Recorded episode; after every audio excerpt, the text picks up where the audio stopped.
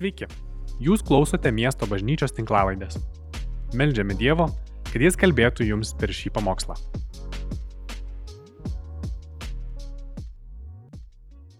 Labas rytas, laba diena, labas vakaras. Bažnyčia, aš esu Bogdanas ir šiandien noriu paklausti jūs tokio klausimo. Ar Dievas gali mums duoti skausmo? Aš prieš kelias dienas buvau Instagram'e, Facebook'e, jeigu, žinot, yra tokia funkcija, istorijose galima padaryti apklausą, žmonės paklausti, ką jie galvoja. Nu, tą patį klausimą uždaviau. Ir buvau nustebintas, kad atsakymai buvo maždaug per pusę tokie. Gal ne tiek daug ten žmonių balsavo, bet dešimt žmonių už tai, kad Dievas gali duoti mums skausmą ir dešimt už tai, kad ne, Dievas yra maždaug geras ir negali duoti skausmo. Ir aš pagalvoju, labai, labai įdomu, kodėl mane nustebina, nes tas uh, Dievo meilė, kodėl žmogus sakytų, kad uh, negali Dievas mums duoti skausmo, nes turbūt asocijuojas, aš taip įsivaizduoju, Dievo meilė negali, kaip Dievas gali mus skaudinti, jeigu jis mus myli. Šiandien mes pažiūrėsim į vieną tikėjimo bėgiką, Jeremiją, pranašą, kuris labai daug skausmo patyręs yra savo gyvenime ir, ir ką jis apie tą skausmą galvojo, kaip jis per, jį praėjo. Visų pirma, pažiūrėkim trumpai į, į jo tokio gyvenimo aprašymą, į jo CV. Dievas jam davė misiją, kurie jisai nesidžiaugė. Dievas jam davė užduotį, kurie jisai visiškai nesidžiaugė. Jis turėjo eiti pas visą tautą ir pasakyti jiems apie visas jų blogybės, apie visas jų nuodėmes, žodžiu, tam tikrą prasme barti juos, bet su tikslu atvesti juos atgal pas Dievą. Dievas norėjo gražinti tautą pas save tokiu būdu. Bet, nu įsivaizduok, tau at, reikėtų vien, vienam draugui pasakyti apie jo nuodėmės. Aš galvoju, nu, nenorėčiau tok, tokios misijos, aš geriau kažkaip kit, kitų būdų eisiu, kitais kitais keliais bendrausiu, bet žmogui ne, ne vienam Dievas sakė pasakyti, bet visai tautai atsistoti prieš visus karalius ir prieš visus paprastus žmonės, prieš minės. Ir, ir ne šiaip vieną kartą, bet tai buvo jo gyvenimo misija. Jis dešimtis iš metų iš metų pamokslauja, kalba tą pačią žinią, visose konfliktuose dalyvauja ir kenčia nuo to. Jis sako, mane visi keikia, nors aš nieko blogo nepadariau. Nes įsivaizduok, tu paklusti Dievui, darai kažką, kas yra teisingai ir, ir visi tave nemėgsta, visi tave keikia, jį sodina į kalėjimą, jį įmetė į šulinį, kur beveik nedavė jam valgyti ir jis vos, vos nenumirė. Per tokius, per tokius išbandymus žmogus eina, sako, nepaisant to, nepakanka to, kad jis turi tokią sunkę misiją, Dievas jam dar sako tokį dalyką, jis sako, tu eisi pas juos, septintam skyriuje jiem ėmėjo pranašystę, sako, tu eisi pas juos ir jiems kalbėsi, bet jie tave neklausys. Įsivaizduok, Dievas duotų tau užduoti, kuri pats Dievas pasakytų, šita tavo užduotis neturės uh, jokios sėkmės. Tu neturėsi vaisių. Tu turi šitą daryti, eiti, uh, varyti, bet, bet, bet vaisių neragausi, e, nebus, ne, neturėsi sėkmės šitoje misijoje. Aišku, jis amžinoji prasmei pas Dievą, jis laimėjo visą, ką, ką, ką, ką buvo įmanoma laimėti, bet šitam jo trumpam žemiškam gyvenime Jeremė visiškai nelaimėjo. Dievas jam pats pasakė, kad tu turi jiems kalbėti, bet jie tave neklausys. Bergždžia misija. Man tai visiškai nebūtų jokios motivacijos daryti, tai jeigu aš žinau, kad ko, ko, ko čia tikėtis? Mes kai na, kažkaip turim bažnyčios ne, misiją vesti žmonės į artimą draugystę su Jėzumi, įsivaizduok, Dievas mums pasakytų, bet nieks neįs. Jūs turit vesti žmonės į artimą draugystę, bet jie neklausys jūs. Bet jūs vis tiek turite daryti. Sunku, sunkus gyvenimas. Tai Jeremės yra prispaustas vis, vis, visų pusių, prispaustas fiziškai, kaip sakiau, visai kalėjimas, badas, visi jį keikia, visi jį nemėgsta, jis yra emociškai prispaustas. Kaip aš sakiau, ta, tas va, tiesiog motivacijos kažkoks, kažkur tu turi atrasti tos motivacijos, kai tu žinai, kad tavo darbas yra bergždžias, kažkur tu turi atrasti motivacijos, kai tu žinai, kad tave visi nemėgsta, kai tave visi keikia, jis yra emociškai visiškai palūdžia žmogus ir tai vis pratrūksta jam tas skausmas ir pats giliausias toks man šauksmas jo skausmo, jo sielos yra 20 skyrius, kuris kalba apie tai, kad jis nenori gyventi. Jis kitose vietose kalba apie tai, kad nenori kalbėti, nenori tęsti tos misijos, bando tylėti, bet negali. O 20 skyriuje jis iš viso sako, nu čia dugnas dugno ir aš nebenoriu gyventi. Tebūnie sako, prakeikta ta diena, kai mane mama pagimdė. Netgi dar baisiau sako, tas žmogus, kuris pranešė mano mamai, kad tau gimė sūnus, geriau jis būtų mus abiejus nužudęs ir mes nebūtumėm iš viso, nebūtumėm patyrę šito skausmo. Man geriau būtų buvę neegzistuoti, nei eiti per šitą kančią. Jeremija dar parašė raudų knygą, kuri eina iš karto po, po, po Jeremijo pranašystės. Ir e, jis vadinamas yra verkiantis pranašas arba raudantis pranašas. Visa jo, visa, visas jo gyvenimo CV yra verksmas, skausmas, šauksmas, raudojimas. Trečiam skyriuje jis tokią santrauką padaro savo, savo, savo gyvenimo ir savo požiūrio į, į Dievą. Ir viso, visos tautos jis duoda tautai, kuri irgi taip pat kentė kaip ir jis, žodžius, kaip suprasti tai, kas jiems įvyko. Jis sako, pirmo, nuo pirmos eilutės, jeigu atidarysit visą trečią skyrių, mes eisim kartu per jį. Jis sako, žmogus patyręs vargą nuo jo rūstybės lasdos, tai yra nuo Dievo rūstybės lasdos. Jis atvedė mane į tamsybę, o ne į šviesą. Jis laiko ištiesęs savo ranką prieš mane visą dieną. Jis pasendino mano kūną ir odą, sulaužė kaulus.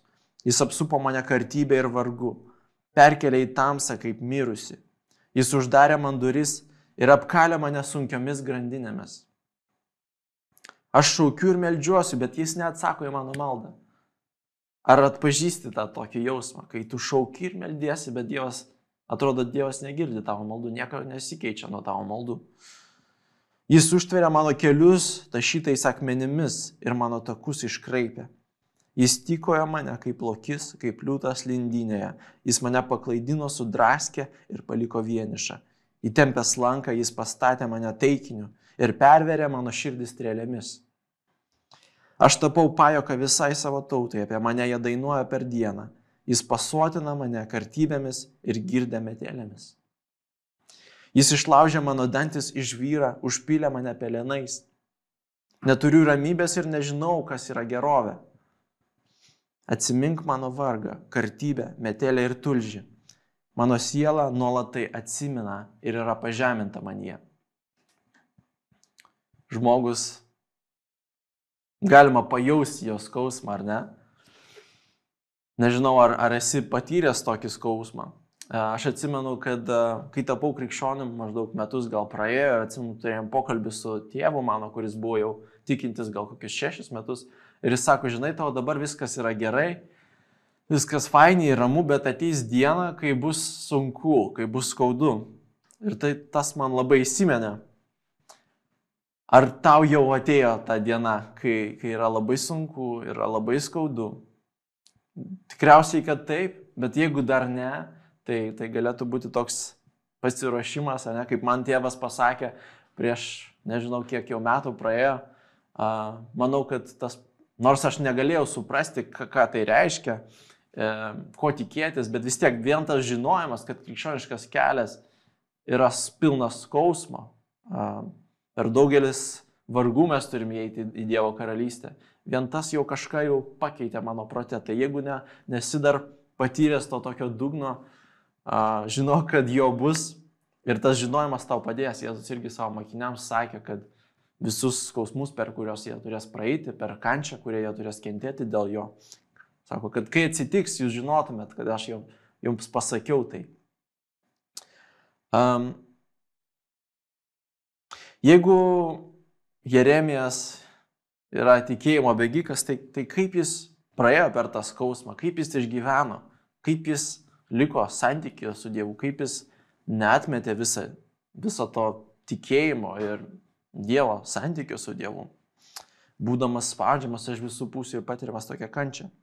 Toliau tęsia jis 21 eilutė, jis sako, nors viso to neužmirštu, visgi dar turiu vilties. Dažnai, man atrodo, mums patariam, patarimai, kuriuos mes girdim kenčiantiems žmonėms, yra dažnai tokie, viskas bus gerai, arba neliūdėk. Ne? Neseniai mačiau uh, tokį paveiksliuką, E, turbūt atsimenat su Ezo kanalo visą tą mm, naujieną, kai buvo įstrigęs didžiulis laivas kanalė ir negalėjo kiti laivai pravažiuoti. Ir ten yra tokia žymi nuotrauka, kur toks ekskavatorius mažas, palyginus su to didžiuliu laivu, bando iškasti jam tą iš tą uh, priekį laivo iš žemės, kad jis galėtų pajudėti. Ir ta, kodėl nuotrauka žyminės atrodo toks kontrastas, ne toks didžiulis, didžiulis laivas įstrigęs Ir toks mažas ekskavatorius bando iškasti, atrodo, nesąmonė, ne taip turėtų vykti, kažko didesnio reikia. Tai kartais, man atrodo, mūsų patarimai skausmui yra tokie, maždaug, neliūdėk, viskas bus gerai, atsipalaiduok. Ir jame sako, aš viso to neužmirštu, aš neneigiu, kad skauda, kad blogai, kad aš noriu mirti. Tai yra tiesa, aš ne, nenoriu gyventi iliuzijoje, bet šalia to visgi dar turiu vilties. Kas yra viltis? Viltis yra tas lašelis tikėjimo, mažiausia siekla, negarstyčių siekla tikėjimo, kaip Jėzus sako, kuri sako, kad galbūt ne visada tai bus, galbūt yra tikimybė dar, kad ateis diena, kai bus geriau. Galbūt Dievas pasigailės. Viktoris Franklis, kuri galbūt jau daugelis žinot, parašė tą knygą, remdamasis savo koncentracijos stovyklos patirtim ir jis sako, skirtumas tarp žmonių, kurie išgyvena ir neišgyvena, yra viltis. Panašios aplinkybės, tas pats skausmas, ta pati uh, kančia, bet vieni turi lašelį vilties, kad galbūt bus kitaip, o kiti galvoja, kam man dar kentėti, kam man kitą dieną dar praeiti per tą patį skausmą, kurį aš dabar einu, jeigu tai ir tęsis, ir tęsis, ir tęsis, ir tęsis, kam tu daugiau tų dienų skausmo, jeigu nėra jokio, jokios šviesos tunelio gale. Jeremijas sako, aš dar turiu vilties. Ir tai nėra tuščia viltis. Tai nėra viskas bus gerai. Jo viltis remiasi tikrų dalykų. Jo viltis remiasi Dievo tikrovę. Pažiūrime tris dalykus, kurie yra pamatas Jeremijo vilties. 22 eilutė jis tęsia, viešpaties malonė nepraniko, jo gailestingumas dar nepasibaigė. Tai atsinaujina kas rytą ir didelė yra jo ištikimybė. Man atrodo, kartais mes galvojam, tai kokia yra ta, apie ką jis čia kalba? Jis kalba apie Dievo charakterį pirmas vilties pamatas, pirma jo vilties priežastis yra Dievo charakteris. Ne nesikeičiamumas, jeigu yra to žodis, Dievo charakterio. Dievo charakteris nesikeičia. Nors aš esu depresijoje, visiškai prispaustas, visiškai beveik pusiau myręs, bet Dievas nesikeičia. Koks jis buvo, toks jis liko. Ir Dievas, jis sako, yra jo malonė nepranyko, gailestingumas nesibaigė. Man atrodo, mes kartais uh, įsivaizduojam Dievo tą gailestingumą kaip tokį asoti su vandeniu, ne?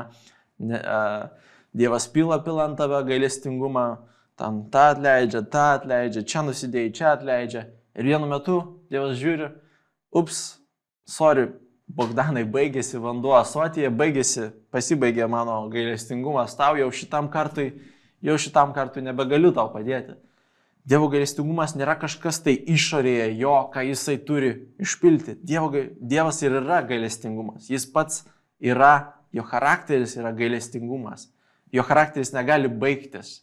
Uh, tai taip pat kaip vanduo yra skistas, skistumas vandens negali pasibaigti. Taip pat ir Dievo gailestingumas mums negali pasibaigti, jis yra nesikeičiamas. Kas be būtų, kas be vyktų, Priežastis turėti viltį yra, kad Dievo gailestingumo, malonės, ištikimybės charakteris yra tvirtas ir nesikeičiamas. Kitas dalykas. Jis sako, viešpats yra mano dalis toliau, todėl vilsiuos juo. Tai kalbama apie sandorą, dalis, ne? Kai mes sakom, kad kažkas yra mano, mano tėvai, mano žmona, mano kažkoks tai daiktas, telefonas, mano žemė, mano namas, tai dažniausiai yra įvykęs kažkoks tai sandoris tarp mūsų, kažkokia tai sandora sudaryta. Daikto atveju, tai tu nusiperki parduotuviai, duodi pinigus, tau duoda atgal produktą, tu gauni sandoros patvirtinimą čekį, santokos patvirtinimas čekis, štai žiedas arba santokos liūdėjimas, tu sudarai sandorą su Dievu ir su, su toktiniu ir jūs turit patvirtinimą. Taip pat ir su Dievu mes, kai pradedam santyki, mes įeinam į sandorą su juo, mes įeinam į, į mes sudarom sandorą su Dievu ir patvirtinimas yra mūsų krikštas.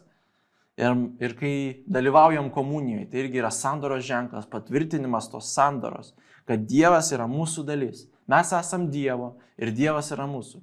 Ir kai kalbam apie dalį, kažkas yra mano dalis, tai kalbam apie, tai yra mano ateitis, mano kryptis, mano visų kelių galutinis taškas. Mano dalis yra Dievas. Kas bevyktų mano gyvenime, sandora mane veda į Dievą. Sandora mane veda, mane veda į santykių su Dievu, nes jinai palaikoma yra jo, jo stiprybės, jo ištikimybės, jo malonės. Jinai yra stipriai sudaryta jo kraujų ant kryžiaus ir, ir nieko tai negali pakeisti.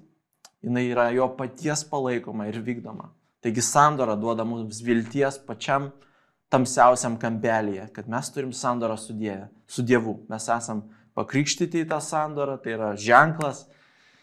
Krikštas yra ženklas mūsų sandoras ir dalyvaujam komunijoje, kuri irgi turėtų mums nuolat priminti apie tą sandorą. Ir trečias dalykas, paskutinis yra, kas jam duoda vilties. Yra sunkus dalykas kartais priimti. Reikia atviro proto, kad tą dalyką, tą faktą priimti, kad kentėti yra gerai. Jis sako 27 eilutėje, gera žmogui nešti jungą nuo pat jaunystės. Ką? Kentėti yra gerai. Ir dar nuo pat jaunystės. Ne tai, kad gal kai subrendęs labiau esi, kai kito lygio žmogaus, kuris jau gali pakelti, nesako, nuo pat jaunystės gera nešti. Visą gyvenimą yra gera kentėti. Kaip gali būti gera kentėti visą gyvenimą? Aš galvoju, a, a, apie techninę apžiūrą. Ar galit kas, ar esat kas neseniai ėję techninę apžiūrą, arba apskritai gal prisimenat dar. Aš kaip pirmą kartą ėjau, tai laukiau eilėje gyvoj šešias valandas maždaug karštyje mašinoje. Tai tikra kančia. Po to, kai tave pakviečia, jau pagaliau ateina tavo eilė, huh, galvoji, kančia baigėsi, tave pakviečia įvažiuoti, bet dar esi visam tam strese, ar, ar praeisi, nes šešias valandas la, lauki, po to nenori laukti dar šešių valandų, jeigu ten kažkas negerai.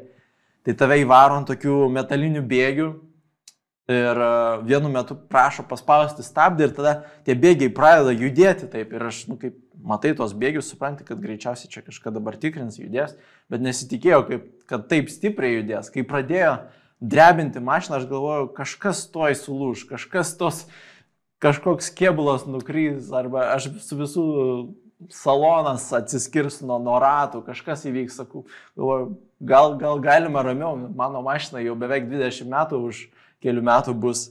Uh, tai mašinai, jeigu taip galima sakyti, tai buvo tikras skausmas. Aišku, mašina nejaučia skausmo, bet jeigu jaustų, jei tai būtų tikrai nemalonus patyrimas.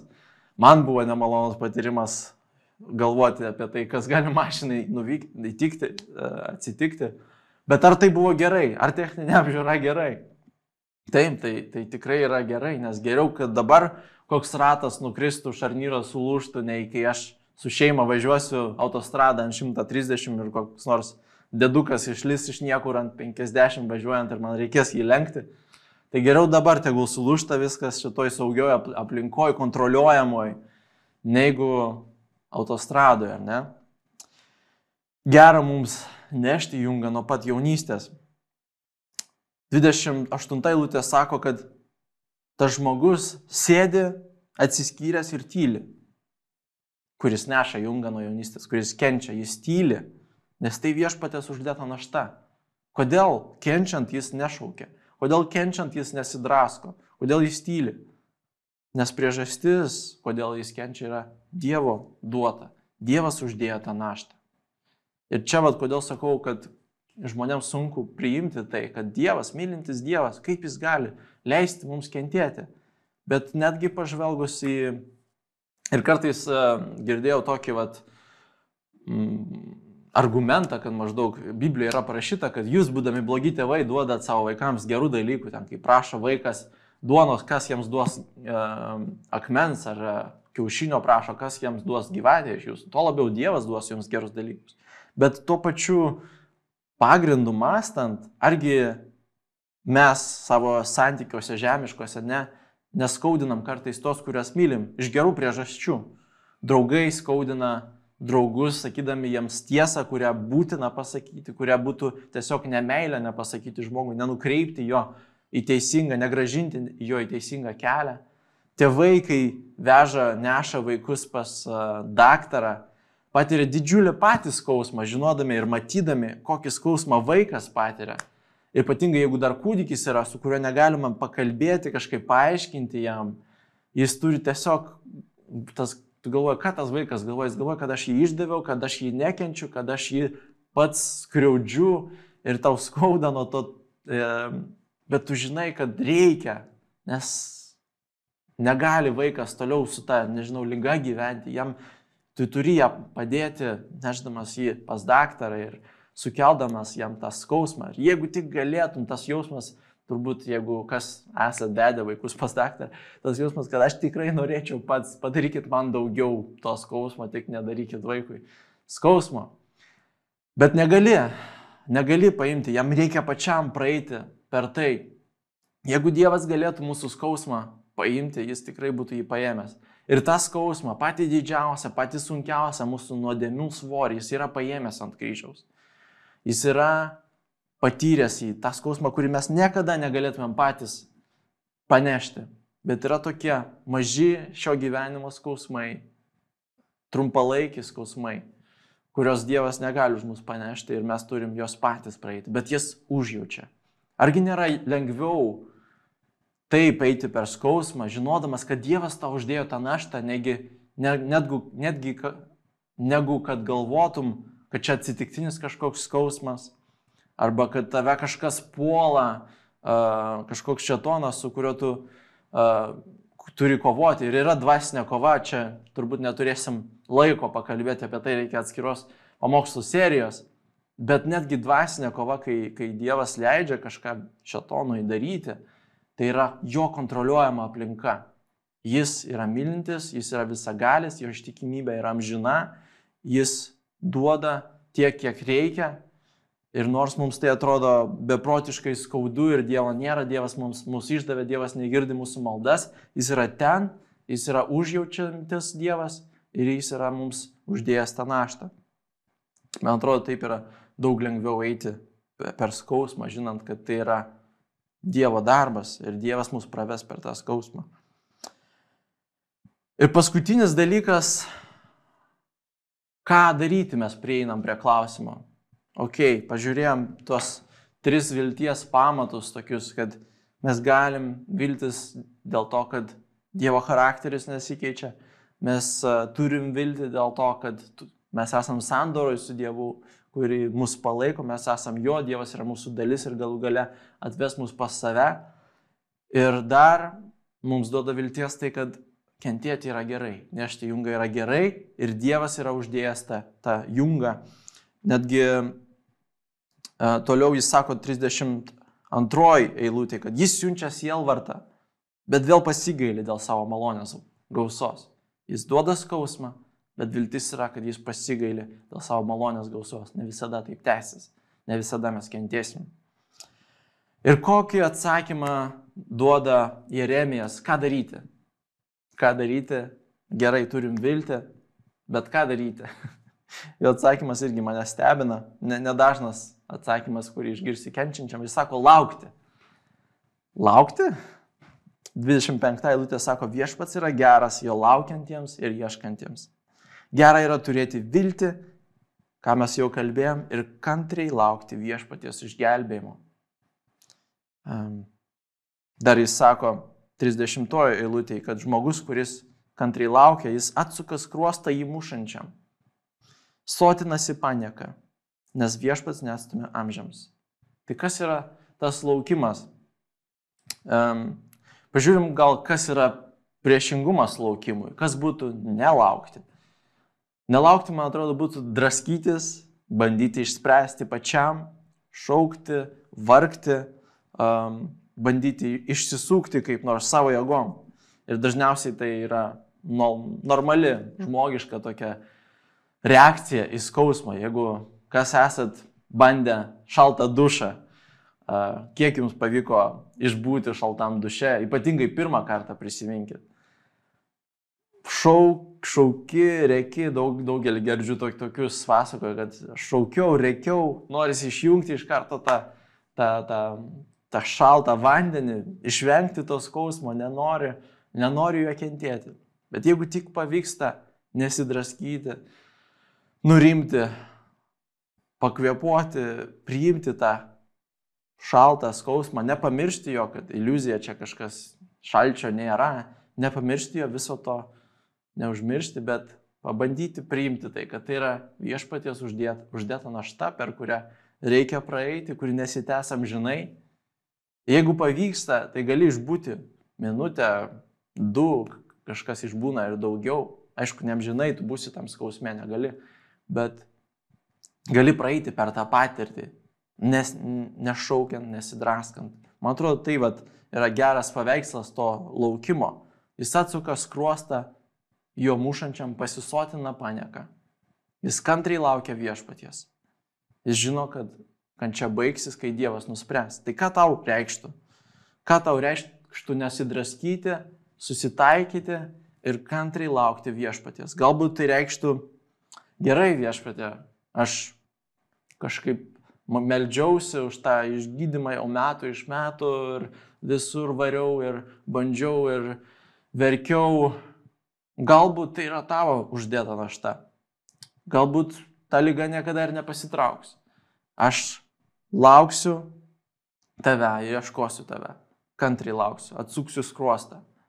Galbūt viešpatė aš niekada neturėsiu vaikų, galbūt tai yra tavo uždėta man našta. Galbūt aš niekada neturėsiu sutoktinio. Arba sutoktinį, kurį tu man davėjai, niekada mane nesupras ir nepatenkins mano poreikių. Nepaisant to, aš kantriai lauksiu ir ieškosiu tave. Galbūt dar yra vilties, galbūt tas skausmas nebus amžinai. Galbūt aš niekada negyvensiu nuo savo name, visada nuomosios ar dar kokį nors, koks yra tavo skausmas, uždėk į tą skliaustelį.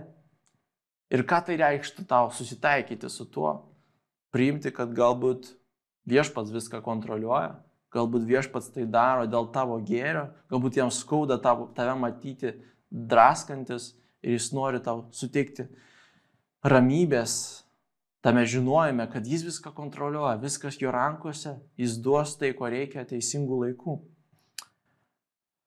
Gera viešpats yra jo laukiantiems ir ieškantiems. Gera yra turėti viltį ir kantriai laukti viešpatės išgelbėjimo.